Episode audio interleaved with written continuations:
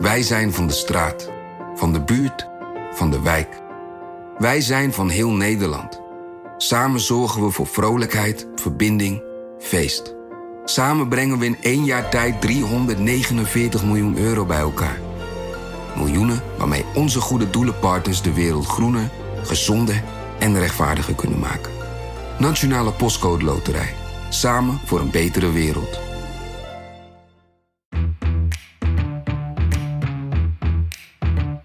Dit is Haagse Zaken van NRC. Mijn naam is Lemia Aharouai. Het was de week van de verkiezingen. Vorige aflevering voorspelden we dat dit de verkiezingen van de verliezers zouden worden. En voor veel partijen was dat uiteindelijk ook zo. Maar het verlies werd totaal overschaduwd door de winst van die ene partij die tijdens de vorige provinciale staatsverkiezingen in 2015 nog niet eens bestond. Het is de ochtend na de verkiezingsdag voor de provinciale staten en de waterschappen. Großer Gewinner ist die rechtspopulistische Partei Forum für Demokratie. Het is een korte nacht geweest, maar uh, er zijn weinig dingen die je zoveel energie geven als een klinkende verkiezingsoverwinning. Aardverschuiving, mega winst, Baudet zegeviert. In drie provincies eerste, tweede en derde partij. Na het tellen van 93% van de stemmen meldt het ANP dat de VVD de achterstand bijna niet meer kan inhalen. Vandaag is Forum voor Democratie ofwel de grootste, ofwel de gedeeld grootste, ofwel de één na grootste partij van Nederland geworden. De coalitie is een meerderheid dus kwijt in de Eerste Kamer. Tot slot, wordt u premier? Uh, ja, daar zit het dik in. En het werd uiteindelijk dus de grootste partij. Forum voor Democratie van Thierry Baudet. En uh, als politieke redactie waren we daar natuurlijk bij. We waren op meer politieke avonden, ga je zo meer over horen. Bij mij zijn Rick Rutte, Filip de Witwijner, Mark Lievese Adriaanse en Rick Rutte. Om bij jou te beginnen, debutant bij Haagse Zaken, welkom. Een hele eer. Jij hebt die verkiezingsuitslag mogen afwachten bij Forum voor Democratie. In uh, Zeist was dat. Hoe was het daar? Het was één groot feest. Vanaf het begin van de avond uh, zat uh, de sfeer er al goed in. Iedereen zat ook uh, nippend aan de witte wijn en de Prosecco als een volwassen machtspartij. En zodra de eerste exit polls binnenkwamen, steeg de euforie alleen maar verder. Wat nog wel goed is om te bedenken is dat toen de speech van Thierry Baudet eenmaal begon, toen was het al tegen middernacht. Toen waren de meeste mensen al zo dronken van geluk en vermoeid bijna dat veel mensen daar die speech nauwelijks nog volgden. Ja, en uh, ook dronken van de alcohol, hè? Want ik uh, begreep dat jij iemand hebt gesproken die een beetje van baalde dat hij al zoveel had ingenomen. Ik sprak iemand uh, die zag de speech en die zei: Als het nou een uurtje eerder was gedaan, dan had ik in elk geval vijf bier minder op. En die moest de volgende ochtend om vijf uur s ochtends pakketjes gaan sorteren, dus die moest maar naar huis. Die heeft het niet af kunnen zien. Filip, jij was bij die andere winnaar, want uh, gewonnen hebben ze mm -hmm. uiteindelijk wel, GroenLinks. Hebben ze een beetje kunnen genieten daarvan hun winst? Nou, niet echt. Dat is een beetje zuur. Uh, ten eerste hadden ze als uh, standplaats Utrecht uitgekozen, al maanden geleden. Ook de stad waar ze groot zijn en waar ze het hoofdkantoor hebben. Maar Utrecht was ook de stad waar deze week die, die gruwelijke aanslag plaatsvond in de tram. Dus er was nogal een beetje... Beladen. Ja, ze hadden ook besloten om het niet al te uitbundig te vieren, de verkiezingswinst die ze wel hadden verwacht. Dus dat was één. En twee, viel de uitslag ook een beetje tegen. Ze hadden 12% verwacht. En de eerste polls die uh, duiden op een iets minder grote winst. En drie, dat was eigenlijk de voornaamste factor, waren de mensen daar vooral erg geschrokken van de, de, de overwinning van, uh, van Forum voor Democratie. Mark, jij was bij de PvdA. Daar ook geschrokken van de winst van Forum voor Democratie? Ja, zeker. Je hoorde ook steeds als er een, een exit poll was en een forum heel goed scoorde, zo'n zo wow en oh uh, geluid, zeg maar. Dus er was wel schrik. Tegelijkertijd waren ze ook wel heel erg blij met hun eigen uh, uitslag. Aan het begin van de avond sprak ik uh, Lilian Ploemen, Kamerlid, en die zei, nou, als we vijf zetels halen in de Eerste Kamer, dan ja, dat zou wel de ondergrens van mijn tevredenheid zijn. Ja, leg dat even uit, want ze hebben verloren, hè? Ja, maar toch de zijn PvdA heeft verloren. Ja. Ze, ze hadden acht zetels, ze hebben er nu zeven naar het zich laten aanzien. Vier jaar geleden gingen ze van 14 naar 8. Dat was toen een enorme dreun. In de Eerste Kamer. Uh, in de Eerste Kamer. Maar ja, in, daarna kwam natuurlijk die enorme, nog veel grotere dreun in de Tweede Kamer. Waarbij ze van 38 naar 29 ging, of naar 9 gingen. 9, 29 zetels verlies. Um, en dat is nu eigenlijk een beetje de nieuwe ja, standaard. En vanaf daar rekenen ze. Dus toen hadden ze 5,7 procent. Nu halen ze ongeveer 8,5. Dus zij zien dat dan als winst. Mm. Ondanks dat ze dus wel een zetel verliezen. Ja, en, met, en met zeven zetels was dat ook een factor uh, voor GroenLinks om niet helemaal blij te kunnen zijn. Want GroenLinks dacht, wij zijn de enige partij op links die straks uh, de regering aan de meerderheid kan helpen in de Eerste Kamer. Maar nu is PvdA daar ook nog toe in staat. Ja. En dat vonden ze niet openlijk jammer, want ze vinden het fijn dat ook uh, een linkse partij eh, als PvdA het goed heeft gedaan. Maar ze zijn wel hun sleutelpositie Ze zijn in een sleutelpositie kwijt. Ja, Klaver voelt wel de hete adem van de PvdA in zijn nek, denk ik. Gaat iets heel interessants doen met de onderlinge dynamiek, denk ik, tussen Asscher en Klaver ook de komende tijd. Zeker, ja. Uh, ik was uh, zelf bij uh, D66 en dat is een beetje de samenvatting waar jullie twee het net over hadden, Filip en Mark. Want ook daar verloren ze. Uiteindelijk hebben ze nog maar zes van de tien zetels over. En wat er gebeurde was steeds als ze op, die grote, op dat grote scherm op het podium de uitslagen zagen binnenkomen, dan bij Forum voor Democratie serieus, die hele zaal ging collectief naar adem happen bij elke uitslag van Forum voor Democratie, waarin ze dus groter werden. Dus er gebeurt iets heel geks. Je verliest zelf, maar je bent eigenlijk nog meer geschrokken van de winst van een ander. Dat was daar heel duidelijk in uh, terug te zien. Nee, het is duidelijk, op de feestjes van de andere partijen domineerde Forum uiteindelijk toch wel een beetje de avond. En vandaag in Haagse Zaken gaan we het dan ook vooral hebben over, nou ja, onder meer de verhuisbusjes van Forum die de komende tijd door het land zullen rijden. Over hoe kandidaten die verkozen zijn in meerdere provincies dat gaan oplossen. Gaan kijken of Forum er klaar voor is om mee te regeren in letterlijke zin. Hebben ze genoeg mensen om alle nieuwe zetels te vullen? Maar ook ja, wat theoretischer, want wat is nou eigenlijk het gedachtegoed waar deze partij zijn plannen op baseert? Want dat leek ook iedereen zich af te vragen op die verkiezingsavond. Hè. Je hoorde erg vaak de vraag: wat willen ze nou eigenlijk? En natuurlijk ook Forum, die zijn vanuit het niks in de Senaat, komen ze flink in. En ook in elke provincie komen ze flink in. Dus ik hoop dat we nu ook kunnen gaan zien wie het zijn, uh, wat ze vinden, wat ze doen. Bent u bereid om met Forum voor Democratie in zee te gaan de komende periode? Nou, dan wil ik eerst weten wie daar op de lijst staat, wie de lijsttrekker is en wat ze vinden. Het zou fijn zijn als ze een programma gaan schrijven, want ik weet niet waar de Brabanders voor hebben gestemd. Ik zou niet weten wat ze willen met Brabant. Nou ja, ik, uh, ik wil eerst nog kennis maken met Forum voor Democratie. Ik ken, uh, ken de mensen niet. Ik ken uh, alleen maar een paar one-liners van met name Thierry Baudet. Dus ik wil eerst wel weten wat voor feest ik in de Kuip heb. Nou ja, het is een bijzondere prestatie om zo onzichtbaar te zijn. Geen programma te hebben. De, dat je de mensen uit de provincie niet kent en dan toch te winnen. Wat betekent het? Wat betekent het? Partijen die hebben aangegeven waar zij voor gaan in Gelderland en wat zij willen bereiken. Oké, okay, deze boodschap is duidelijk. Komt van uh, de fractievoorzitter van uh, de VVD uh, hier in de Tweede Kamer... tot en met een, lijsttrekker van Noord-Brabant, D66. Het is helemaal niet duidelijk wat die FVD'ers willen, Filip. Was dat ook echt zo? Hadden ze tot op dat moment geen ideeën? Nou, de ideeën in de campagne afgelopen weken kwamen vooral, kwamen vooral van de, de landelijke kopstukken. Mm -hmm. Thierry Baudet en Henk Otte, die, in de, die lijsttrekker is voor de Eerste Kamerverkiezingen. Maar de lokale lijsttrekkers waren vrij onzichtbaar, of vrij onvindbaar zelfs. Waardoor uh, de kiezers ter plekke uh, niet echt een idee konden vormen van uh, hun, nou, de, hun, hun, ideeën, hun standpunten. Er waren geen uitgebreide programma's voor de provincies geschreven. Dus dat was best black box voor veel kiezers. En niet dat het heeft uitgemaakt, want ze hebben het goed gedaan in alle provincies. Ja, ja je zag wel op hun website dan per, um, per provincie een kopje. En, maar er zaten best wel algemene programmapunten. Ja, er waren wel wat punten, maar niet ja. een uitgegeven programma. Ja. En ik, vond, ik kwam gisteren iets interessants tegen, uh, of afgelopen donderdag was dat, de dag na de verkiezingen. Een interview met de lijsttrekker van Forum voor Noord-Brabant. En die ging daar uitleggen wat hij vond van Eindhoven Airport en van de veestapel in Noord-Brabant. Leek mij wat laat om dat na de verkiezingen pas uh, bekend te maken. Ja, je had ook een uh, lijsttrekker in Gelderland die tijdens de campagnetour het podium opstormde en vervolgens vertelde aan het publiek hoeveel hij van Gelderland hield. Maar vooral ook dat hij geen standpunten wilde delen, want daar was het te vroeg voor en dat was uh, cherrypicking. Lijsttrekker in Gelderland, Arjan de Kok. Wie is er niet trots op Gelderland? Wie is er niet trots op de Veluwe? Wie is er niet trots op onze nationale parken? Wie is er niet trots op onze, onze Betuwe? Wat geweldig. Wat een mooie provincie.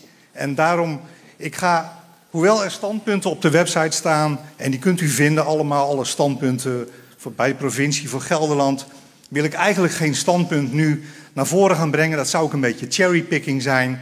En ik denk dat we daar gewoon niet aan moeten doen. En ik wil zeggen van, ik wil u graag dienen. En daarom doe ik het. Daarom doe ik het. Om Nederland mooier te maken, om Gelderland mooier te maken met u. Dank u wel.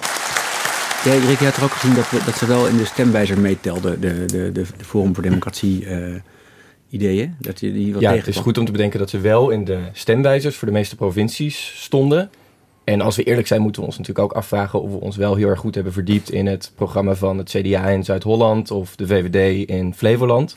Maar je zag bij geen enkele partij dat ze het zo draaiden naar een landelijke verkiezing als bij Forum. Maar het gaat in principe niet over het verdiepen in een partijprogramma, toch? Het gaat er meer om dat eh, bijvoorbeeld een CDA in Zuid-Holland wel echt een eigen op de provincie toegeschreven programma heeft en Forum niet. Dat is waar. En je zag bijvoorbeeld ook bij de regionale omroepen dat eh, als die hun best deden om iemand te bereiken, dat dat ze gewoon niet lukte. Ja. Die lui waren onbereikbaar. We deden niet mee met, eh, met eh, lokale debatten, zeg maar. Dus het, was, het werd wel geprobeerd, maar ze ga- gaven gewoon niet thuis. Alleen op de campagneavondjes van Forum, waar dan eh, Baudet en Hiddema en Lenk Otte kwamen... daar werden dan wel steeds per provincie, werd de lokale lijsttrekker eh, op het podium Ja, ik geloof dat ze in Noord-Holland, de provincie Noord-Holland, wekenlang geprobeerd hebben om contact te krijgen met eh, de forummensen daar. Ook gewoon in praktische zin van eh, de- debatten en zo. Ehm, maar ze kregen niemand te pakken. Deze man kent u wel. Het is Thierry Baudet van Forum voor Democratie. Maar bij provinciale statenverkiezingen moet het natuurlijk om regionale kandidaten gaan. En voor Zeeland is dat Fred Walravens. Alleen niemand weet wie hij is. Ik heb hem nog nooit gezien. U ook niet? Nee, ik ook niet. Kent u deze man? Even goed kijken. Ja, ik heb hem wel eens gezien, maar ik kan geen naam noemen. Ken niet. Nooit gezien? Nooit gezien. Onze redactie heeft meerdere malen geprobeerd contact te krijgen met Fred Walravens. We hebben gebeld met de regiocoördinator en met de landelijke persvoorlichter van Forum voor Democratie. Nou, is het zo, dit, was, dit ging dan om Zeeland. Kijk, nou is het zo dat ik van de meeste mensen uit mijn provincie ook echt niet zou weten van de meeste partijen wie de lijsttrekker is hoor. Maar als je ze probeert te bereiken, dan zijn ze over het algemeen wel bereikbaar. Is, is dit een tactiek of is dit. Nou, ik denk dat de partij vooral geen risico's wil lopen met relatief onbekende en onervaren mensen. Die kunnen natuurlijk ook fouten maken. En ehm, ze hebben het heel centraal willen organiseren, die campagne, met alleen eh, de landelijke kopstukken die wel ervaring hebben met media. Baudet, Otto in mindere mate, maar die eh, weet wel hoe het spel gespeeld moet worden. Ze hadden ook Annabel Nanninga uit Amsterdam, eh, ehm, de fractievoorzitter uit de gemeenteraad, ook veel bij die campagneavonden. Die heeft ook ervaring daarmee. Ik denk dat ze gewoon eh, geen zin hadden in uitkleiders van onbekende lokale eh, eh, lijsttrekkers. En wat ook niet helpt, is dat in veel van de provincies ze toch standpunten hebben die niet heel makkelijk uit te leggen zijn aan de kiezer. Forum is een van de grootste geworden in Groningen. Met een programma waarin ze door willen gaan met de gaswinning. Als ze daar een lijsttrekker over het podium op hadden moeten sturen, kun je toch afvragen of ze even goed gescoord hadden. Oké, tot zover hun gedachtegoed voor wat betreft de verkiezingen. Maar Mark, er is natuurlijk een, een gedachtegoed die meer past bij de partij, vooral bij de voorman Thierry Baudet. En jij hebt je ingelezen, zie ik. Stapel boeken valt daar neer. Wat heb je bij je? Eh, nou, ik heb een aantal boeken bij me eh, eh, van Thierry Baudet zelf. De aanval op de nazistaat, oikofobie, de angst voor het eigene. Kijk, Thierry Baudet is eigenlijk al een jaar of tien heel actief in het publieke debat. Hij heeft heel veel geschreven over conservatisme, over Europa, over de nazistaat, over cultuur. Ehm, en daar is eigenlijk een hele consistente lijn in te vinden. Dus eh, we hadden afgelopen week die speech van hem op de, verkiezingsavond, 20 minuten lang. En iedereen was daarna eigenlijk een beetje verrast over dingen die hij daarin zei. Maar eigenlijk was die speech een soort samenvatting van dingen die hij al tien jaar lang schrijft en zegt en twittert. Termen die hij erin noemt, Boreaal Europa, heeft hij het al jarenlang over. Het is eigenlijk een soort vermenging van cultuurpessimisme, eh, romantisch nationalisme en gewoon klassiek conservatisme. Eh, drie intellectuele tradities die in Europa ook al, al, al vrij lang bestaan. En die hij weer ja, populariseert. Oké, we hebben die speech in delen. We hebben een aantal fragmenten uit die speech. Laten we ze gewoon even doorlopen. Want aan de hand van die speech, omdat je zegt het vat het samen, het gedachtegoed waar al jaren over twittert, schrijft, eh, whatever. Laten we beginnen met dit. En zo staan we hier vanavond, te elfder uren, letterlijk. Te midden van de brokstukken van wat ooit de grootste en mooiste beschaving was die de wereld ooit heeft gekend. Een beschaving die alle uithoeken van de wereld bestreek, die vol zelfvertrouwen was en die de mooiste architectuur, de mooiste muziek en de mooiste schilderkunst heeft voortgebracht die ooit onder de sterrenhemel heeft. We horen hier eigenlijk twee dingen. We horen Baudet de, cultuurpessimist. Ehm, dus die heel erg waarschuwt voor de ondergang van onze beschaving. Ehm, en dat wordt in Frankrijk dan declinisme genoemd. Het idee dat onze cultuur en beschaving ten onder gaan aan decadentie, aan, aan cultureel en moreel verval. Maar we horen ook iemand die duidelijk in de leer bij Paul Cliteur. De, de, dat was zijn promotor in Leiden. En Cliteur zegt heel erg, je moet je als cultuur eh, superieur wanen over andere culturen. Want als je dat niet doet, dan verlies je je zelfvertrouwen. Dan ga je uiteindelijk ten onder. En dat, dat hoor je ook heel erg in wat Baudet hier zegt. De mooiste architectuur, de mooiste muziek, de mooiste schilderkunst. Dus de hele uh, eurocentrische opvatting eigenlijk van de Europese beschaving. En het is ook, het is goede, maar het is niet de gaskamers. ik bedoel, dat is uiteindelijk wel Europa. Europa is natuurlijk een hele culturele traditie. Um, waar Baudet eigenlijk alleen de grootste kant van laat zien. De mooie kant. De fantastische cultuur die het heeft gecreëerd. Caravaggio, Bach, eh, noem maar, maar op. Maar niet de schaduwzijde van de Europese geschiedenis. Die natuurlijk uiteindelijk wel is. Namelijk de, de Tweede Wereldoorlog bijvoorbeeld. Of de Eerste Wereldoorlog. Waar is hij eigenlijk op gepromoveerd? Hij is gepromoveerd op eh, de aanval op de nazistaat. Um, daar is uiteindelijk ook een publieksversie van gekomen. Ja, het voor je um, liggen. Ja, de aanval op de nazistaat, immigratie, de Europese Unie en de democratische crisis van nu. En dat gaat heel erg over ja, open grenzen, de Europese Unie en hoe daarmee de nazistaat eigenlijk wordt ondermijnd. Ja, Paul Cliteur, uh, Philip, die speelt nog steeds een rol ook binnen. Jazeker, die, dat is echt de leermeester, uh, de, de intellectuele leermeester van Baudet. Uh, vanaf dat hij daar promoveerde in 2012 was het uiteindelijk afgerond, ja. meen ik. En Cliteur is nu ook nog steeds voor de partij belangrijk. Als, uh, ja, laten we zeggen, de, de partij uh, filosoof. Hij leidt het wetenschappelijk instituut mm -hmm. van de partij. Mm -hmm. Die nog niet heel veel uh, onderzoeken hebben, hebben gedaan. Ja, dat heb je uitgezocht, hè? Er is nog niet heel veel uitgekomen uit de, uit de vingers van Cliteur. Maar belangrijker nog, hij is ook politiek actief. Want hij staat op nummer 2 van de kandidatenlijst voor de Eerste Kamer. Dus hij zal straks in, wat is het, eind mei, juni, in de Senaat komen. En misschien nog wel de moeite om te noemen is de originele titel van de aanval op de nazistaat van dat proefschrift is The Significance of Borders. En dat past ook precies bij dit verhaal. He, zolang we geen nationale grenzen hebben, zegt Baudet daarin, kunnen we onze cultuur ook niet als een superieur en afgebakend fenomeen volhouden. Nee, het, en dat sluit ook heel erg aan bij Roger Scruton. Dat was ook een van zijn uh, promotoren. En, en, dat is een Britse conservatieve filosoof. Die Baudet ook al heel lang begeleidt. En Scruton die bekritiseert heel erg de postmoderne afkeer van waarheidsgeloof die we in Europa zouden hebben. Hij wijst naar het, het Habsburgse Rijk, het Ottomaanse Rijk en heeft het dan over nieuwkomers. In, Nederland zouden we eh, migranten, mm -hmm. die een plek opeisen. En wanneer we dat doen, dan verliezen we eigenlijk het maatschappelijke verband dat ons bij elkaar houdt. Dus er moet een dominante cultuur zijn, een nationalistische cultuur, of een Baudet van Europese cultuur die beschermd moet worden. En die wordt eigenlijk aangevallen van buitenaf. En dat gebeurt moedwillig. Uh, door immigranten die hierheen komen met ideeën die niet zouden passen bij Europa. Maar ook door elites. Uh, in zijn speech heeft hij het over journalisten en uh, academici die ons, en dat bedoelt hij in principe de witte Europeaan, aanvallen. Ja, we worden ondermijnd door onze journalisten, Precies. hij. Ja, dus dat is ook het, het, het, het befaamde cultuurmarxisme waar ze het dan vaak over hebben. Ja, wil je dat eens uitleggen? Het cultuurmarxisme is eigenlijk een vrij. Uh, het, het, is een theorie die zijn oorsprong vindt in, in de jaren 30 ook alweer, het cultuurbolsjewisme. En die toen eigenlijk een kritiek was op uh, de Sovjet-Unie en, en uh, ook wel Joodse.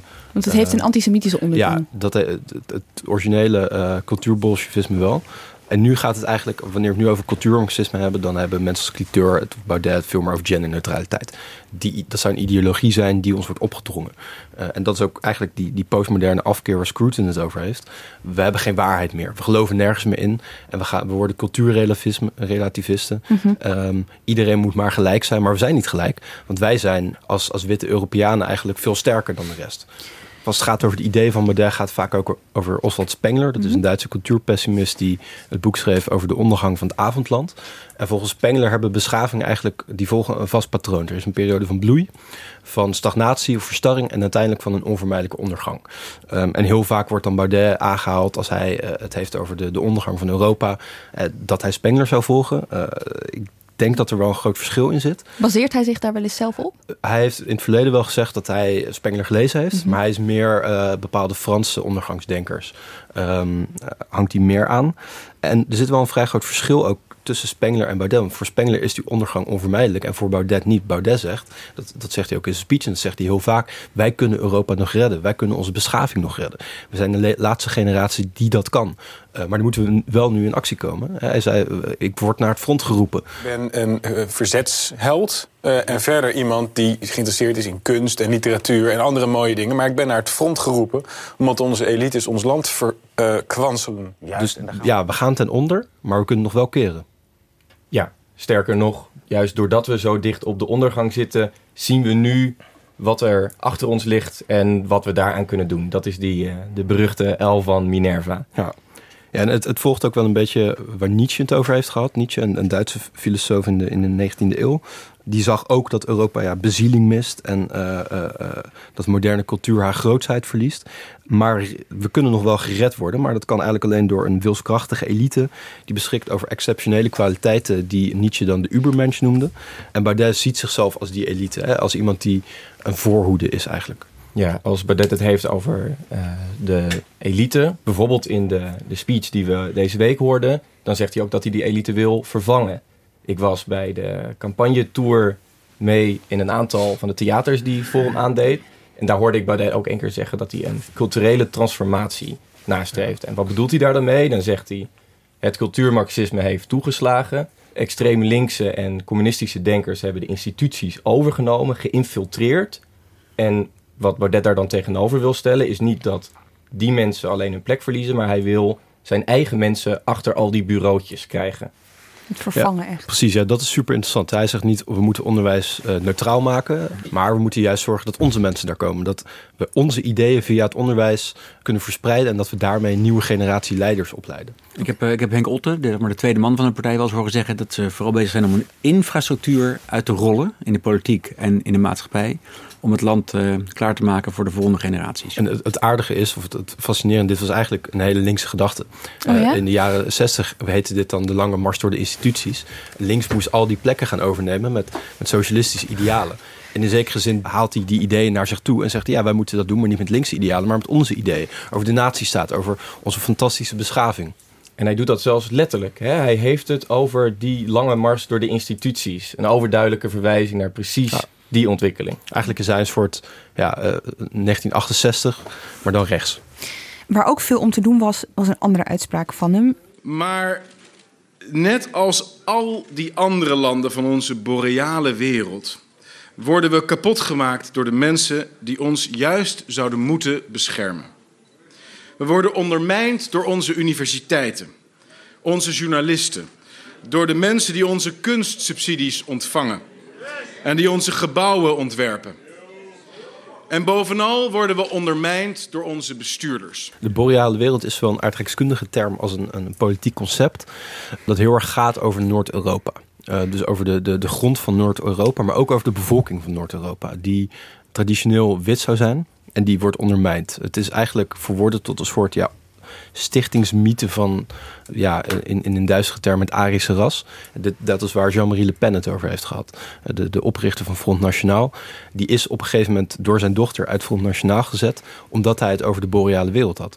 Overigens is Baudet ook wel eens met hem gaan praten. En Marijn, Meerdere keren. Marijn ja. Kruk, die heeft voor de correspondent nog een goed stuk daarover geschreven. Hè? Waar ja. komt dat gedachtegoed nou eigenlijk vandaan? Ja.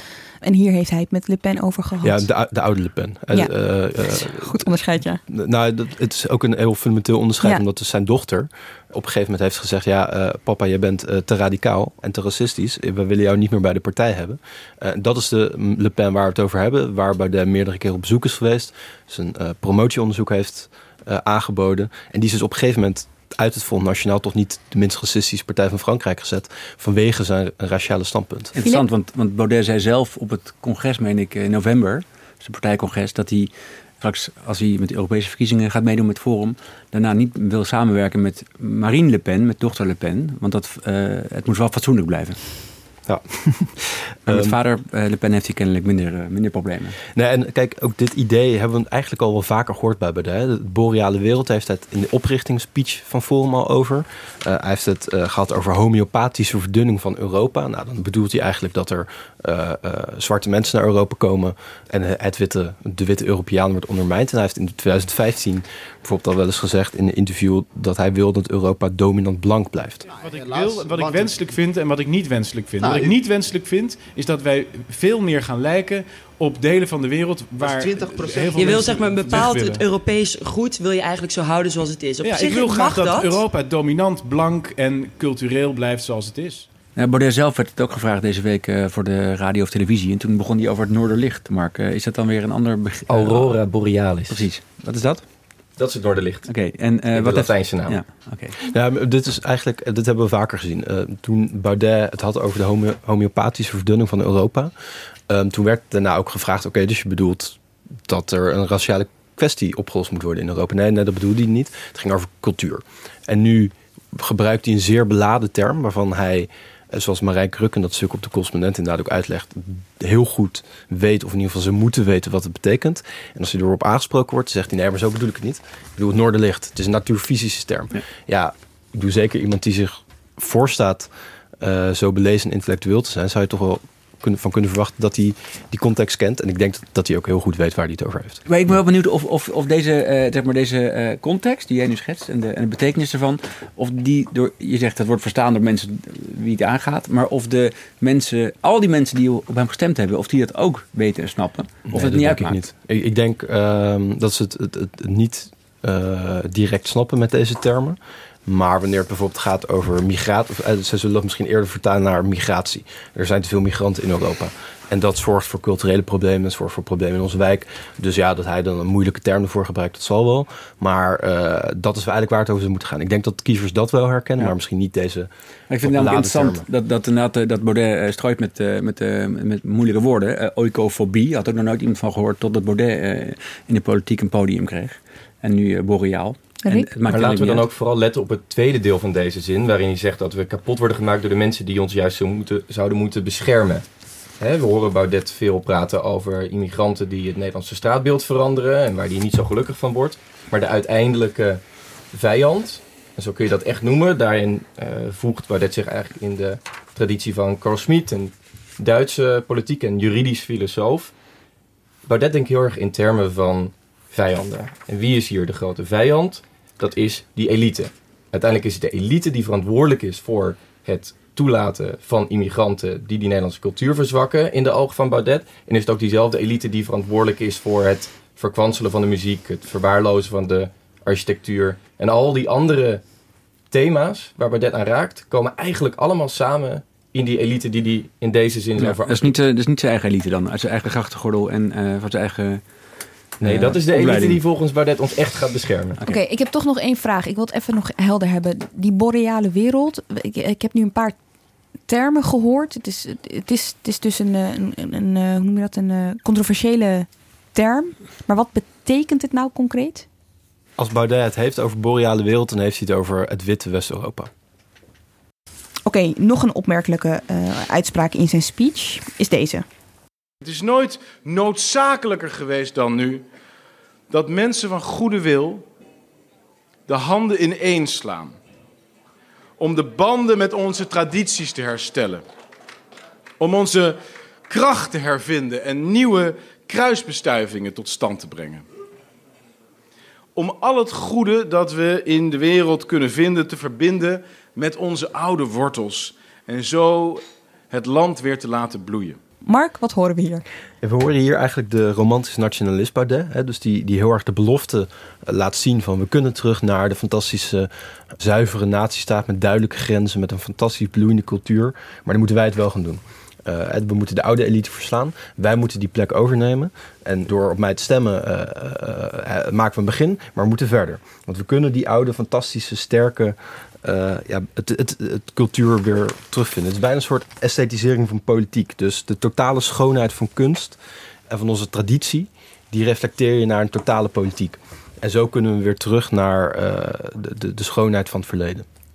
Ja, en dat terugkeren, dat is cruciaal. Als Baudet het heeft over de metafysische grondslagen van het christendom, die je niet hoeft te aanvaarden om toch de wederopstandingsgedachte als leidmotief te nemen, dat is een cruciale zin. En ook die zin hebben we al eerder gehoord. Wat hij daarmee heel letterlijk zegt is: je hoeft niet letterlijk te geloven in de tekst van de Bijbel. Je hoeft niet letterlijk te geloven dat Jezus naar de hemel is gevaren en weer naar aarde is teruggekeerd. Hij is zelf ook atheïst, hè? Dus precies, precies. Om toch het idee te kunnen waarderen van een wederopstanding. Van de terugkeer van iets groots ja, Baudet is eigenlijk een cultuurchristen. Dus geen gelovige, maar hij vindt wel de waarde belangrijk. Hij vindt het belangrijk, en daar heeft Scruton bijvoorbeeld heel erg over... dat Europa een christelijke traditie heeft. En op het moment dat wij allemaal de kerk hebben verlaten... zijn we eigenlijk ontzield geraakt. Um, en door die ontzieling gaan we nu ten onder. Maar we kunnen terug als we het nu doen. Ja, en dit dringt eigenlijk in al zijn denken en handelen door. Als Baudet s'nachts naar Kamerleden mailt dat ze geen muzieksmaak hebben... omdat de hele Kamer net een muzieklijstje heeft samengesteld en Baudet het er niet mee eens is dat Bluff daar wel in staat, maar Bach niet, dan meent hij dat. Oké, dit zijn allemaal hele grote, brede ideeën. Het roept toch de vraag op, hoe, hoe, wat heeft hem gevormd? Hoe komt hij hierbij? Dit is eigenlijk allemaal uh, de laatste 10, 15 jaar in zijn studententijd of zijn studietijd uh, opgekomen. Hij heeft rechten en geschiedenis gestudeerd. En op een gegeven moment is hij gaan promoveren bij Cliteur, die altijd, en, en mensen als Scruton, die, die ook in het conservatieve denkwereldje in Europa uh, wel een hele belangrijke rol innemen. Nou, daar is hij echt gevormd. Dat zij zijn echt de mensen die hem ideologisch gemaakt hebben tot degene die hij nu is. En ook als persoon, denk ik. Nou, en hij heeft, uh, is, is, is al heel vroeg begonnen met het bouwen van een eigen netwerk ook. Hè. Le Pen die heeft hij in 2009 al bezocht. Alain Finkielkraut, uh, ook een hele conservatieve filosoof. Dus hij is al heel vroeg begonnen met het bouwen van zijn eigen netwerk. Een conservatieve leesclub heeft hij gehad. En dat heeft, heeft uiteindelijk geleid tot een denktank. Nou, en op een gegeven moment... Uh, werd dat de partij? Werd dat de partij die het nu is. Het is nog wel even grappig om te bedenken dat als we Baudet nu zoveel horen spreken over linkse indoctrinatie in het onderwijs, dat hij zelf juist heel veel van zijn connecties, zijn rechtse connecties, kent precies uit zijn eigen studietijd. Ja, uit die vreselijke cultuur-marxistische universiteit. Oké, Filip, laten we het even concreet maken. Want dit zijn allemaal hele, ik zei het al, hele brede ideeën. Hoe heeft hij dit gedestilleerd tot uh, opvattingen over, nou, uh, weet ik veel, pensioenen of uh, arbeidsmarkt. Ja, dat is een groot verschil met de PVV van, van Wilders. Mm -hmm. hij wordt vaak in diezelfde hoek gezet in het politieke landschap. Maar Wilders had één A4'tje met geloof ik drie of vier programmapunten. En die gingen vooral over de islam. Forum voor Democratie had wel degelijk een serieus, althans inhoudelijk programma met uh, iets van 21 hoofdstukken en 26 pagina's. Mm -hmm. Over allerlei beleidsterreinen waar het hier in Den Haag in de politiek over gaat. En we hebben het even over onderwijs gehad. Als hij dan roept, uh, het moet uit zijn met de linkse indoctrinatie. En we moeten het onderwijssysteem daarvan verschonen, bevrijden. dat staat niet in zijn programma als zodanig. Hij heeft eigenlijk in de onderwijsparagraaf van zijn um, programma heeft hij uh, een aantal heel concrete punten die eigenlijk vrij links zijn. Hij is uh, voor betere salariering van het onderwijs personeel. Onderwijzers moeten voorrang krijgen bij de toekenning van sociale uh, woningen. Hij is voor meer, meer aandacht voor praktijkles in het MBO. Dat is um, eigenlijk ook bedoeld om het MKB meer technisch, makkelijker aan technisch personeel te laten komen. Hij is voor herinvoering van de basisbeurs voor studenten, et cetera. Eén punt kan je misschien zien als een onderdeel van de kritiek op de indoctrinatie van links in het onderwijs. Hij zegt uh, in het programma, we moeten de macht van politieke partijen terugdringen in de uh, aansturing van het onderwijs. Dat, dat raakt het een beetje. Ja. Maar jij vroeg naar concrete voorstellen. Precies. Die zijn er wel degelijk op tal van terreinen. Ook op het gebied van pensioenen, uh, defensie, Um, belastingen. Belastingen, et cetera. Dus um, hij, de partij heeft wel degelijk dingen uitgedacht, uitgewerkt. Niet uit het daarna. Ik vind de financiële onderbouwing van het programma vrij, uh, vrij mager. Hebben ze ook niet laten doorrekenen door uh, het Centraal Planbureau bijvoorbeeld. Um, ik heb wel eens een poging gewaagd om het wel te doen. Dus, uh, eigenlijk komt het programma neer op de belastingen omlaag en de uitgaven omhoog. En dat is vrij lastig te betalen. Dit lijkt me redelijk onhaalbaar. De truc die ze hier nu op hebben gevonden is dat ze vertellen dat zodra ze een einde hebben gemaakt aan het klimaatbeleid, er duizend miljard euro zou vrijkomen om al deze plannen uit te voeren. Ja. Ja, dat is knap, want dat is geld dat er nog niet is en ook niet, door, nog niet is uitgegeven. Het programma van 2017 was er nog niet die, die rekensom van duizend miljard. Uh, zo die ook klopt. Uh, maar er zat de, de, de, de, de financiële basis van wat er toen lag. Daar is niet uitgelegd hoe dat moet worden betaald. Ik kwam op een tekort uit van uh, orde van grootte 70, 80 miljard op, ja. uh, op de overheidsfinanciën. Oké, okay. tot zover zijn ideologie. En dat is toch een ideologie waarmee hij blijkbaar uh, successen haalt. hij heeft dus van 0 naar 13 zetels is hij gegroeid in de Eerste Kamer. Rick, jij bent naar Katwijk gegaan. Daar woont een groot deel van de achterban van Baudet, of in ieder geval kiezers. Wat heb je daar gezien, gehoord? Ja, om te beginnen is het denk ik belangrijk om te beseffen dat er niet één Forum voor Democratie kiezer is. He, zoals na de verkiezing van Trump in de VS elke krant afreisde naar ja. de, dezelfde dorpjes in, uh, in de Appalachen om maar die ene ja. elusieve Trump-kiezer te vinden uit de 60 miljoen. Zo is er ook niet één Forum-kiezer. Sterker nog, de Forum-kiezers zijn ook een stuk meer uitgespreid en verschillend onderling dan je bijvoorbeeld ziet bij PVV-kiezers. Als je kijkt naar de landkaart van Nederland, als je kijkt naar opleidingsniveau, mm -hmm. naar, dan zie je dat er heel veel verschil in zit. Zijn er wel overeenkomsten te destilleren uit al die gegevens? Ja, als er iets is dat veel van die kiezers delen, dan is het een sterk wantrouwen. Wat voor mensen zijn het? Valt er iets over te zeggen? Nou, het is een uiteenlopend gezelschap. In Katwijk zat ik in een café vol met forumkiezers. En dat waren zonder uitzondering mensen die waren overgelopen van de VVD. En zich vooral druk maakten over de kosten van het klimaat. Ik ben ook mensen tegengekomen die juist heel erg kritisch waren over migratiebeleid. En uh, bij wie klimaat allemaal niet zo uitmaakte. Bij de oud-VVD'ers zitten veel ondernemers. Je zag in een ander staatje van Maurice Ton deze week... dat geloof ik uh, een kwart van de FD-abonnees uh, ook op Forum had gestemd. Dat zijn toch vooral, is er vooral een ondernemerskant. Mark? Ja, wat eigenlijk, dit zag je volgens mij twee jaar geleden bij de Tweede Kamerverkiezingen al een beetje. De potentie van die partij. Dus scoorden ze in bijna elke gemeente hetzelfde percentage. Ongeveer anderhalf tot 2 procent. Dat is best opmerkelijk voor een nieuwe partij, dat die overal heel gelijk scoort. En dat zie je nu eigenlijk ook weer. Dat ze door het hele land eigenlijk tussen de 10 en de 18 procent ongeveer scoren. Er zijn weinig gemeenten waar ze het echt exceptioneel goed hebben gedaan. Nou, Volendam uh, is er eentje. Maar er zijn ook weinig gemeenten waar ze het exceptioneel slecht hebben gedaan. Dus het laat volgens mij ook inderdaad wat Rick zegt zien dat het een hele brede kiezersgroep is die niet tot één term te, te reduceren is. Ja, ik ben ook heel erg benieuwd. En er zijn partijen hier in de Tweede Kamer, vooral de coalitiepartijen die uh, flink verloren hebben, denk ik het CDA bijvoorbeeld, zijn gewoon heel erg benieuwd naar waar naar de kiezers stromen. Hè? Dus waar komen die kiezers vandaan? Want ze moeten erg vandaan komen. De opkomst lag wel iets hoger, maar dat verklaart niet dat een partij van 0 tot 13 zetels groeit in de Eerste Kamer. En wat zijn nou de thema's waarom ze op Forum hebben uh, gestemd? Want dat is klimaat, zou je kunnen zeggen, inderdaad. Het kan ook immigratie zijn. Of het kan, nou ja, deze denkbeelden waar we het net heel uitgebreid over hebben gehad. Weet je wel, vinden mensen dat die linkse indoctrinatie inderdaad zo groot is dat ze denken: nu moeten we op Baudet stemmen. Ja, het lijkt alsof het in een paar golven bijna is gegaan. Als je terugkijkt naar 2018, toen deed Forum al mee aan de gemeenteraadsverkiezingen in Amsterdam. Niet de meest FVD-vriendelijke gemeente. Dan zie je wel dat ze daar vorig jaar ook al 6% scoorden. Veel beter dus bij, dan bij de Tweede Kamerverkiezingen van het jaar daarvoor. En wel ietsje minder dan ze dit jaar haalden in Amsterdam bij de Provinciale Statenverkiezingen. Maar daar hadden ze al een groot verschil gemaakt dan zie je dat het afgelopen jaar klimaat heel erg is naar boven gedreven als een thema. Bij de VVD zeggen ze bijvoorbeeld dat hun interne peilingen laten zien dat de komst van het klimaatakkoord en het klimaat als groot verkiezingsthema heel veel kiezers heeft laten vertrekken naar Forum.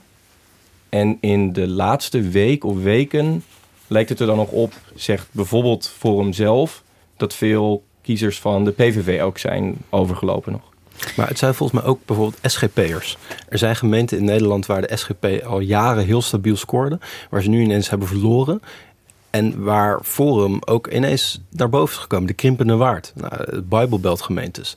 Het zijn misschien ex-SP'ers, het zijn VVD'ers, het zijn PVV'ers, het zijn SGP'ers, het zijn CDA'ers. En laten we ook vooral niet vergeten de meest vergeten groep, de niet-stemmers, die dit keer wel zijn gaan stemmen. De opkomst bij deze provinciale statenverkiezingen was tegen de 10% hoger dan bij de vorige verkiezingen. Procentpunt, ja.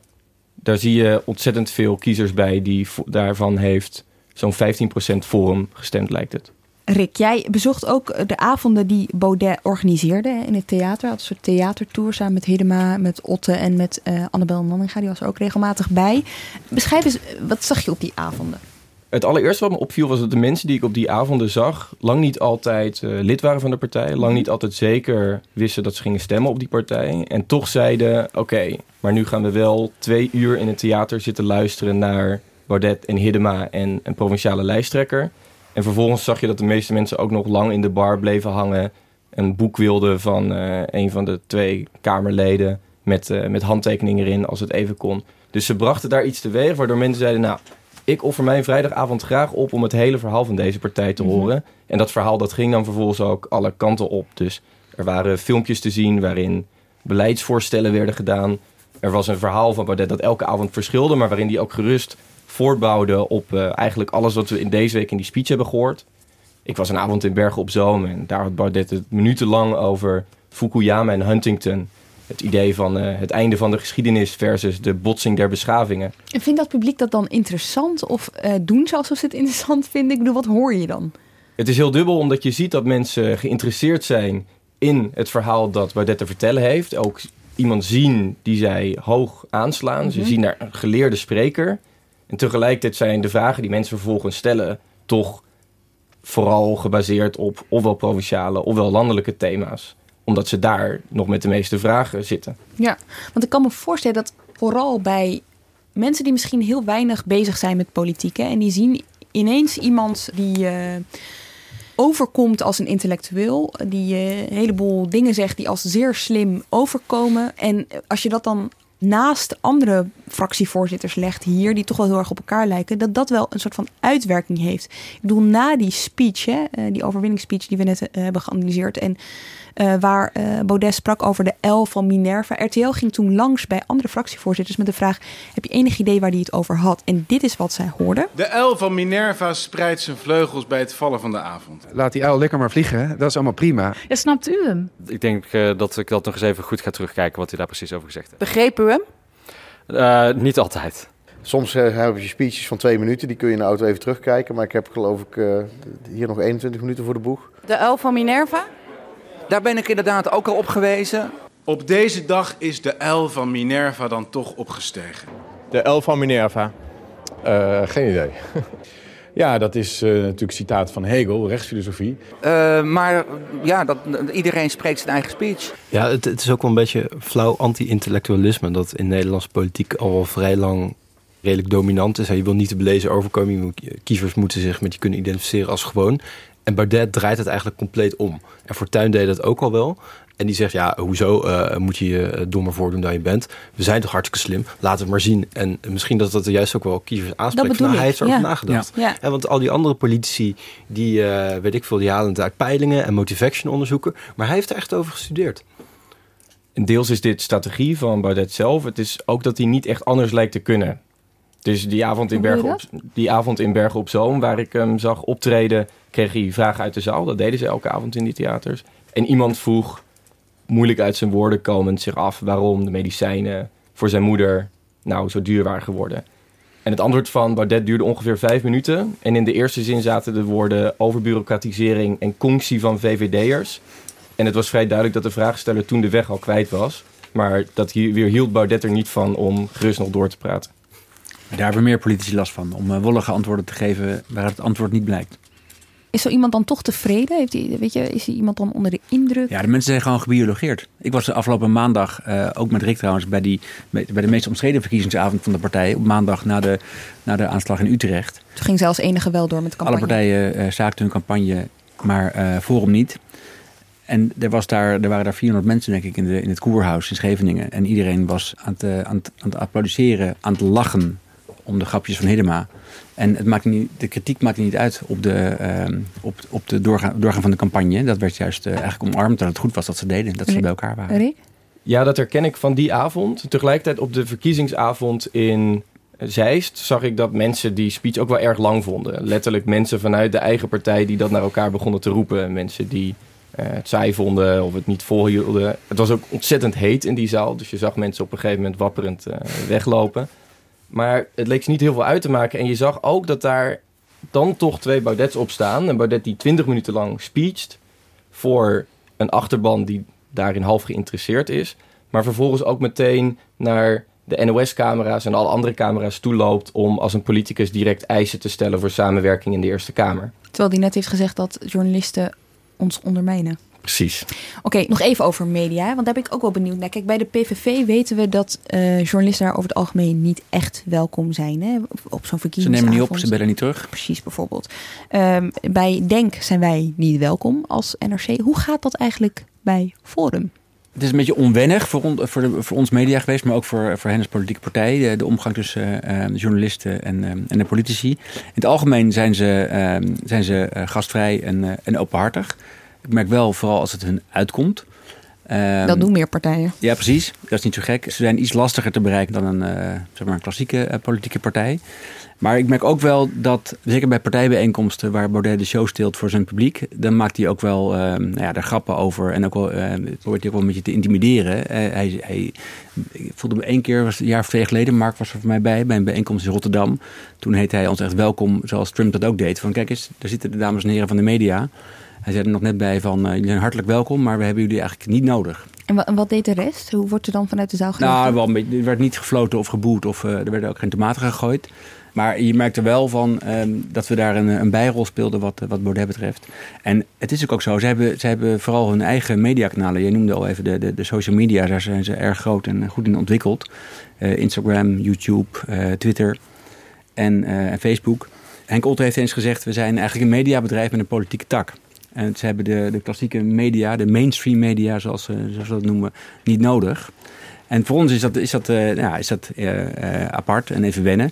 En wij proberen natuurlijk kritisch naar alle politieke partijen te kijken. En als we dat bij, bij hen doen, bijvoorbeeld met een factcheck en we controleren iets, een uitspraak van Baudet die dan onwaar is, dan wordt dat door hun omgedraaid en kruipen ze in de slachtofferrol. Wie fact-checkt de fact-checkers? ja, bijvoorbeeld. en, en hun boodschap is dan: wij worden ehm, oneerlijk behandeld en we worden eh, uitgemaakt voor nepnieuws door de brengers van de nepnieuws. Dus ze Ja. draait om en, ze, en, en, ze, en het, het blijkt te werken, want de populariteit eh, is natuurlijk gegroeid. Ja, tegelijkertijd, eh, ik snap heel goed dat Otte zegt... we hebben die, die traditionele media niet nodig.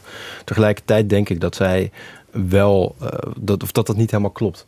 Als je dinsdagochtend pagina 101 van Teletext bekeek... dan was een van de eerste dingen die je las... alle partijen hebben de campagne stopgezet. Behalve Forum, volgens Thierry Baudet... komt de aanslag in eh, Utrecht door het massa-immigratiebeleid. Hij wil een immigratiestop. Dus op die manier wordt zijn boodschap Ja, weer verder Ja. verspreid. Dus het mensen zien zoiets dan vervolgens op teletext. Eh, en eigenlijk is daarmee zo'n ja, verkiezingsboodschap wel weer ver verspreid door die vreselijke traditionele media. Ja, dat was op dinsdagavond ook heel duidelijk te merken na het slotdebat. Hè. Eh, dat was eh, de, het NOS-slotdebat. Baudet zou aanschuiven bij Jinek. Daar zat Mark Rutte, daar zat Rob Jetten van D66, daar zat Sibrand Buma van CDA en daar zat Lodewijk Asscher van de PvdA. Baudet had echt een paar minuten voor die uitzending had hij afgezegd.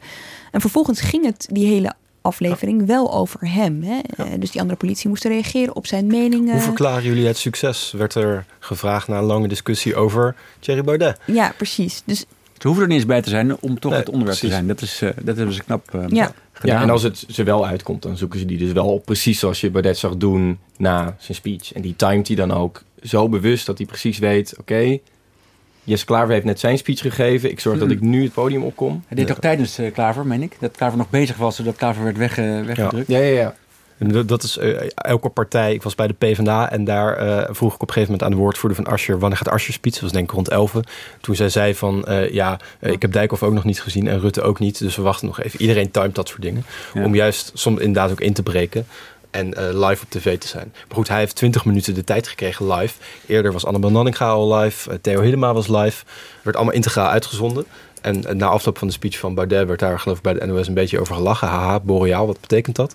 Nou ja, je kan niet zeggen dat er daar heel kritisch gevolgd is die avond. Wat er nu in ieder geval gaat gebeuren is dat ze 86 zetels over een aantal provincies te vullen hebben. Filip, hebben ze, hebben ze daar de mensen voor? Hebben ze zich klaargestoomd? Laten we even kijken naar hoe dit praktisch eh, uit gaat pakken. Ja, dat is gelukt. Ehm, ze hebben, natuurlijk vorig jaar zijn ze eh, bij de gemeenteraadsverkiezingen hebben ze besloten om maar in één gemeente mee te doen. Met een beperkt aantal kandidaten dat nodig was. Nu moesten ze opeens in twaalf provincies dat organiseren. Met lijsten van 10 tot, eh, tot 20 kandidaten. Dat is wel gelukt. Eh, Het is al een beetje bij elkaar eh, getrokken. Want ze hadden uiteindelijk een kleine 160 kandidaten. Waarvan een groot deel de bekende namen waren uit de partij. Die al in de Tweede Kamer zitten. Of kandidaat waren eh, voor de Tweede Kamer. Of in Amsterdam zitten. Mhm. Heel veel dubbelfunctionarissen.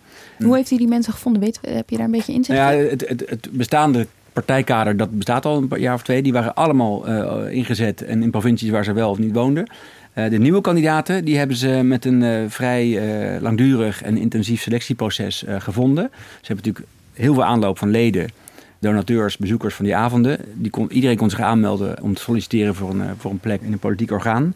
Eh, daar hebben ze vrij lang over gedaan. Ze zijn al echt in 2017 begonnen met selectie van provinciale statenkandidaten. Want ze wisten dat wordt een belangrijke verkiezing met het oog op de Eerste Kamer. Henk Otte die heeft een zakelijke achtergrond. Die is eh, eh, bankier geweest, advocaat geweest. En hij heeft, eh, toen hij in de Londense City werkte voor de Lehman Brothers... heeft hij een, een selectiemethode meegemaakt... die hij eigenlijk heeft proberen te kopiëren voor, voor Forum. Nou ja, een, je hebt een grote groep mensen, ik geloof 1300 mensen... die zich hadden aangemeld. Daar hebben ze 600 mensen uit geselecteerd. Uiteindelijk met 300 mensen gesproken. En dat waren niet zomaar sollicitatiegesprekken... met de afdeling personeelszaken en met één, één, één, één partijhoofd... maar de hele top, vijf, zes mensen die erbij betrokken waren, die hebben al die mensen gesproken in een soort speed date eh, procedures. En uiteindelijk moesten ze bijna unaniem zeggen: deze vent of dame is geschikt, daar gaan we mee door. En vervolgens werden ze eindeloos getraind, de avondjes of weekendjes met, ehm, met forumleiders om het uh, partij uh, gedachtegoed tot, tot zich te krijgen. Ik weet niet of ze echt een politieke training hebben gehad in de, in de procedurele zin van, van politieke bedrijven, maar wel in de, in de ideeën. En dan is de gedachte erachter, je wilt het risico natuurlijk verkleinen dat er mafklappers tussen zitten. Ja, dat is natuurlijk een grote angst ja. voor de partij geweest. een nieuwe partij die snel groeit, dat je heel veel gelukzoekers krijgt en mensen die uit zijn op baantjes en mensen die gekke achtergronden hebben, zich in het verleden raar hebben uitgelaten of uh, misschien een crimineel verleden hebben. Dat heb je bij de PVV gezien. Uh, bij LPF kregen ze ruzie met elkaar uh, nadat hun leider Pim Fortuyn was vermoord en dus weggevallen. Ja, ze hebben het zelf natuurlijk ook gehad hè, tijdens de gemeenteraadsverkiezing met Jernas Ramataursing. In Amsterdam. Ja, de, de, nou goed, die, die, die, was onder, die zat al bij de partij, die was actief voor de, voor de jongerenafdeling. Ja. Maar er waren uh, uitspraken van hem uit het verleden, die werden weer opgerakeld. Dat is eigenlijk dit keer uh, tot nu toe bij de provinciale statenkandidaten meegevallen. Ja. Dus ze hebben dat risico redelijk weten, weten af te dekken. Maar nu krijg je de praktische vraag, gaat het lukken ja. om al die uh, plekken te bezetten? Rick? Ja, je merkte dit ook tijdens de campagne, hoe belangrijk ze het vonden om dit te benadrukken. Ze zijn zichzelf hier natuurlijk ook heel erg bewust van. En in al die theatertjes hielden ze hun achterban dus ook steeds voor. We hebben ons goed voorbereid. Die honderden cv's die Philip noemde, die speeddates, die interviews, dat kwam steeds meer langs. Steeds weer om maar aan te geven, wij zijn er klaar voor, wij zijn klaar voor de macht. En we zijn geen amateurs, zoals ja. hè, bij de LPF ja, natuurlijk. Exact. Dat straalden ze daar heel erg uit toen het En amateurs, dat moet blijken. We, we hebben, ik, heb, ik heb gekeken naar die lijsten. Het waren uiteindelijk dus 100, 160 mensen ongeveer. Uh, daarvan hebben we 86 mensen nodig. van Excel-sheet voor je liggen? 36 mensen hebben een, een, een, dubbele plek gekregen. Dus die moet je eigenlijk eraf halen. Wat bedoel je met dubbele plek? Nou ja, dus uh, uh, Baudet zelf was kandidaat in zowel Zuid-Holland als Noord-Holland. Uh, hij zou die plek niet accepteren. Hij was lijstduwer, want hij is in de Tweede Kamer actief. maar goed, Baudet en de andere mensen uit de, uit, de, uit de, top van de partij... die waren overal neergezet als, als lijstduwer. Ja. Hiddema ook, in zowel Limburg als Friesland. Uh, zo ging dat door. Maar de, de andere uh, zeg maar nieuwe kandidaten... die hebben een vrij diverse achtergrond... maar hebben nauwelijks politieke ervaring. Een aantal is wel actief geweest... of nog steeds voor lokale uh, partijen... voor voormalige leefbaar partijen. Mm -hmm. Maar veel ondernemers, veel mensen uit, de, uit het onderwijs kwam ik tegen. Arts? Een arts. Legercommandant? Een voormalige leger... generaal zelfs, die ook kandidaat is voor de Eerste Kamer. Maar politieke ervaring is, eh, is beperkt. Uh, dus dat moet blijken of, zij dat, of ze het politieke spel kunnen, uh, aankunnen. En, ja. Waren ook mensen in meerdere provincies verkiesbaar gesteld, toch? Ja, en dat is op zich geoorloofd. Het is, je mag niet twee plekken tegelijk bezetten, maar je mag je wel kandideren. Als je maar aangeeft dat je bereid bent om te verhuizen uh, naar de provincie waar je uiteindelijk uh, verkozen wordt. En we hebben gezien na de uitslag dat er één iemand die is verkozen in zowel Flevoland als Noord-Holland. Dus die meneer die moet kiezen uh, waar hij gaat wonen. En die moet, meen ik, een week na zijn installatie, dat is binnenkort, moet hij ook verhuisd zijn. Dan kan het nog tijdelijk een huurappartement zijn. Maar er moet dus, nou, dit is geen volksverhuizing, er moet één iemand verhuizen. Maar wat, er wel, uh, wat me wel opvalt, het is vrij kwetsbaar. Die groep is, het, alle plekken zijn gevuld, zonder dat er mensen uh, een dubbele functie krijgen op die ene na dan. Maar straks, als, nou, er kunnen mensen uitvallen binnen nu en vier jaar. Er kunnen mensen doorschuiven naar Tweede Kamer of naar ehm, Europa. naar Europa. of er kunnen mensen gedeputeerde, gedeputeerde worden, in een college komen dan is de marge dun. Want in bijvoorbeeld, even kijken, Flevoland, daar is, uh, er zijn twee reservekandidaten, waarvan er één al lijsttrekker was in Noord-Holland. Dus die, die kan niet uh, opeens naar Flevoland verhuizen. Uh, dan hebben ze maar één reservekandidaat. Dus als er twee mensen van de acht gekozen statenleden zouden verdwijnen, dan hebben ze niet genoeg reservekandidaten. Met andere woorden, het is allemaal net aan. Net aan. Ja. Dan blijft die stoelen ook leeg, geloof ik, hè? Ik weet niet precies wat de regels daarvan zijn, maar je kunt moeilijk iemand neerzetten die niet verkozen is of op de kieslijst heeft gestaan. Dat lijkt me, dat lijkt me niet. Oké, als we dit opnemen, dan is het uh, vrijdag uh, 22 maart. Het is nu drie uur, zeg ik er maar even bij. En op dit moment is nog niet duidelijk of Forum ook de grootste is in Noord-Holland. Maar wat we wel weten is, ze zijn de grootste in Zuid-Holland en in Flevoland. Betekent dat zij een rol gaan spelen bij de formatie in die provincies. En het roept ook de vraag op, vooral na wat jij net allemaal vertelt, Filip, is... zijn zij klaar voor besturen? Dat is, dat is niet te zeggen. Uh, wat ik net zei, er is weinig politieke ervaring. Uh, we hebben ook uh, besproken dat niet alle ideeën, zeker niet provinciale ideeën, duidelijk zijn. Dus ik kan me voorstellen dat andere partijen heel goed moeten nadenken of ze met een partij willen regeren in een provincie. Als, als niet duidelijk is wat precies de, de, standpunten en wensen en, en, voorwaarden zijn. Daar zul je intensieve gesprekken over moeten voeren. Maar het kan ook misschien wel, wel makkelijk zijn als er geen, geen eisen of voorwaarden vooraf zijn. Dan kun je misschien als eh, coalitiepartner van Forum eh, wat meer inbrengen in een, eh, in een coalitieakkoord. Ik wil net zeggen, eh, als, als je weet dat zij weinig eigen plannen hebben en eh, je mag aan tafel, dan zou ik een heel overzichtelijk lijstje meenemen. en dat naar voren schuiven voordat je het weet, eh, maakt het deel uit van het eh, akkoord. Ik denk dat het vooral lastig wordt op, eh, op iets eh, praktisch en actueels als eh, klimaatbeleid. Dat moet ook veel door provincies worden Ja. uitgevoerd. Eh, denk aan het bouwen van, eh, van windmolens. Nou, eh, Forum is eh, eh, op klimaatbeleid vooral eh, tegen het nemen van eh, ma- klimaatmaatregelen en tegen het eh, installeren van windmolens. Eh, dat wordt denk ik eh, in veel provincies bij formaties een, eh, een, een breekpunt. Ik wil net zeggen, want zij, zij hebben daar een heel duidelijk ideaal over, over klimaat. Dat kunnen ze nu wel gaan realiseren in de en klimaatmaatregelen is, is nou typisch iets wat provinciaals moet worden uitgevoerd. Dus dat gaat wel een rol spelen. Je kunt je hier heel erg afvragen hoe dit gegaan was als Forum tien jaar geleden was opgekomen. Toen klimaat veel minder speelde als politiek issue. Je ziet dat in de provincie partijen veel meer over de hele breedte kunnen samenwerken dan in de, de Kamer. SP en VVD regeren bijvoorbeeld in best veel provincies samen. Mhm. Maar met dit klimaatstandpunt staat Forum zo ver af van de andere provincies. En dat net op het moment dat er allerlei klimaatmaatregelen genomen moeten worden door diezelfde provincies. Ja, dat gaat die formaties heel erg moeilijk maken. Ze zijn natuurlijk ook de grootste in de Eerste Kamer. Baudet ging er altijd prat op dat hij geen compromissen wilde sluiten. Maar Nou, dat zal wel moeten.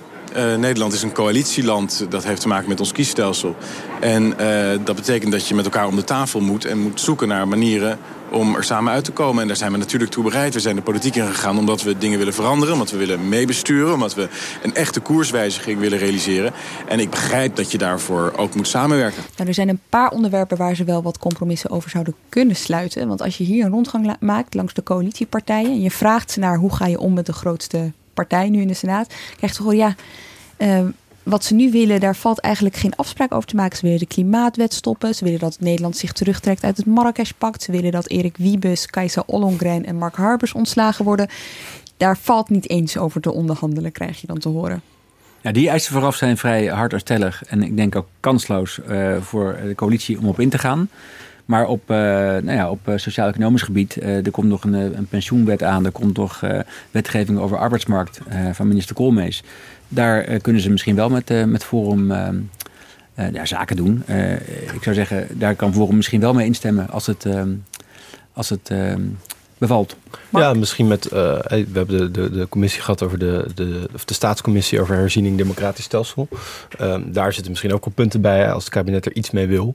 eh, wat nog af te vragen is. Maar als ze dat willen, dan zouden ze daar met Forum misschien ook nog wat dingen mee Nou, kunnen. na lang nadenken was dat wel het antwoord dat we kregen bij D66 inderdaad. Eh, hè, die zeiden van, nou ja, dat is een van de onderwerpen waar we wellicht wel de samenwerking Ja, als je toch weer een referendum wil invoeren, dan eh, kan je met Forum dat, dat regelen. Maar goed, dat kan je ook met GroenLinks en de PvdA.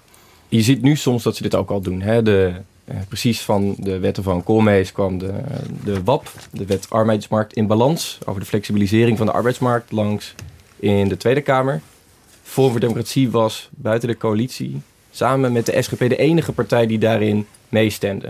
Zodat je je bijna afvraagt of ze daarmee ook willen laten zien dat zij ja, toch openstaan voor compromissen en samenwerking. Ja, valt er al een beetje te voorspellen wat dit gaat betekenen voor de Eerste Kamer? Heeft Henk Otte hier al uitspraken over gedaan, Philip bijvoorbeeld, van wat hij van plan zou zijn als eh, Forum eh, in de Eerste Kamer zou komen? Ja, hij heeft met twee eh, debatten meegedaan, hè, twee lijsttrekkerdebatten. En wat je net ook Baudet hoorde, hoorde zeggen, die klimaatwet moet van tafel, dat is, dat is het belangrijkste. Maar Henk Otte vind ik ook wel een pragmaticus. En die zal eh, als er wetsvoorstellen van het kabinet wel door de beugel kunnen volgens de, het programma van Forum, dan zal hij ook niet tegen zijn. Hij zal niet alles willen blokkeren. Nee. Maar de klimaatwet van tafel, dat is wel heel duidelijk. Vergeet ook niet, we denken nu na over de Eerste Kamer zoals die nu is. Straks zit Forum daarin. En waarschijnlijk als grootste partij. Dan maken ze ook aanspraak op het voorzitterschap van de Eerste Kamer. En sowieso heeft Henk Otte al aangegeven dat die wel wat plannetjes heeft voor de Eerste Kamer. Die zei bijvoorbeeld dat hij het werk van de Eerste Kamer en wat zijn fractie daar gaat doen veel beter in beeld wil brengen dan dat nu gebeurt. Nou, als dat betekent eh, dat we hetzelfde krijgen daar als in de Tweede Kamer. Dat we straks filmpjes krijgen rechtstreeks vanuit de Eerste Kamer. Dan kun je hoe dan ook al voorspellen dat het iets is waar de rest van de Senaat totaal niet op zit te wachten. Kunnen we live meekijken met uh, de chambre de re reflexion. Hoe dat gereflecteerd wordt in de praktijk. Oké, ik zeg steeds, ze zijn de grootste in de Eerste Kamer. Overigens moet daar nog voor gestemd worden, hè? Uh, ergens eind mei. Ja, er zit wel wat interessants aan te komen. Want er zijn natuurlijk in de provincie best wat partijen verkozen... die niet, geen zetels in de Senaat zullen gaan halen. Uh, regionale partijen, het lijkt erop dat de onafhankelijke Senaatsfractie... en samenwerkingsverband van regionale partijen te weinig uh, provinciale zetels heeft gehaald om, om terug te keren in de Senaat. Denk heeft in Noord-Holland, Utrecht en Zuid-Holland zetels gehaald. Is onvoldoende voor een Senaatzetel. Dat zijn reststemmen die wel heel belangrijk kunnen gaan worden... om bijvoorbeeld toch de VVD nog een extra zetel te leveren. We hebben in 2010 gehad dat een Zeeuws statenlid uh, bewerkt moest worden... om uh, de coalitie aan de meerderheid te gaan helpen in de Eerste Kamer. Er kan dus heel strategisch gestemd worden Precies. door dat soort partijen. niemand die enig idee heeft waar de stemmen van Denk heen gaan. Ja. Het zal niet de PvdA zijn, vermoed ik. Maar dat kan zomaar zijn dat ze misschien met een partij een dealtje gaan sluiten. Maar die gaan niet naar voren, denk ik. Ja, die gaan niet naar voren. Provinciale partijen, misschien dat zij gaan proberen bij het kabinet. Ik kan me voorstellen, als je in Groningen zit of in Friesland... dat je gaat proberen om misschien wat geld voor, voor krimp... of investeringen in openbaar vervoer los wil peuteren in ruil voor een stem. Nou, dat gaat super interessant worden.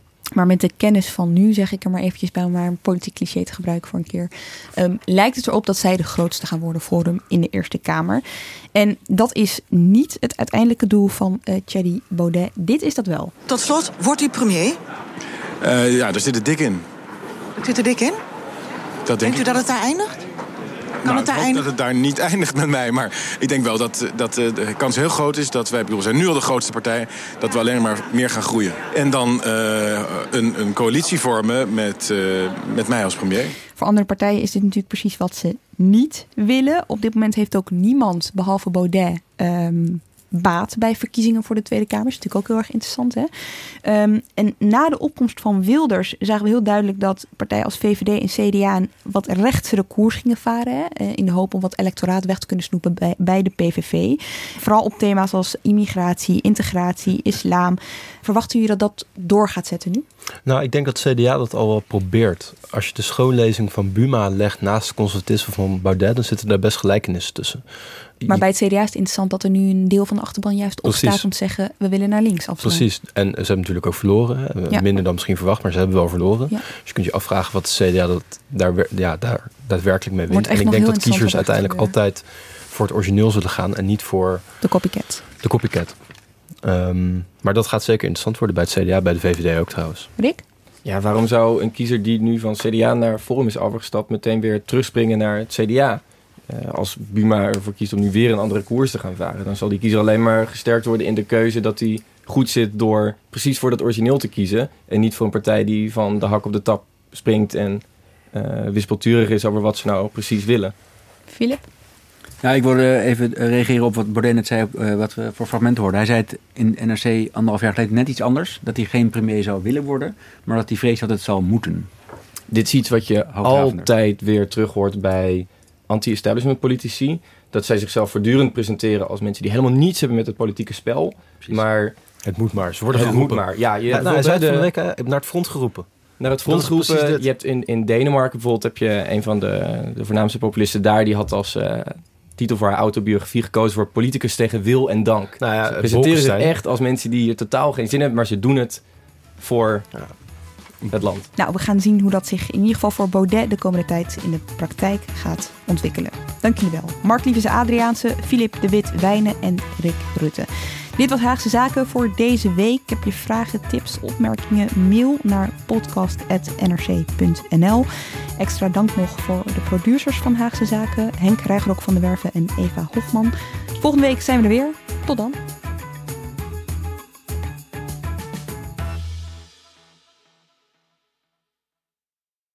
Je hebt aardig wat vermogen opgebouwd.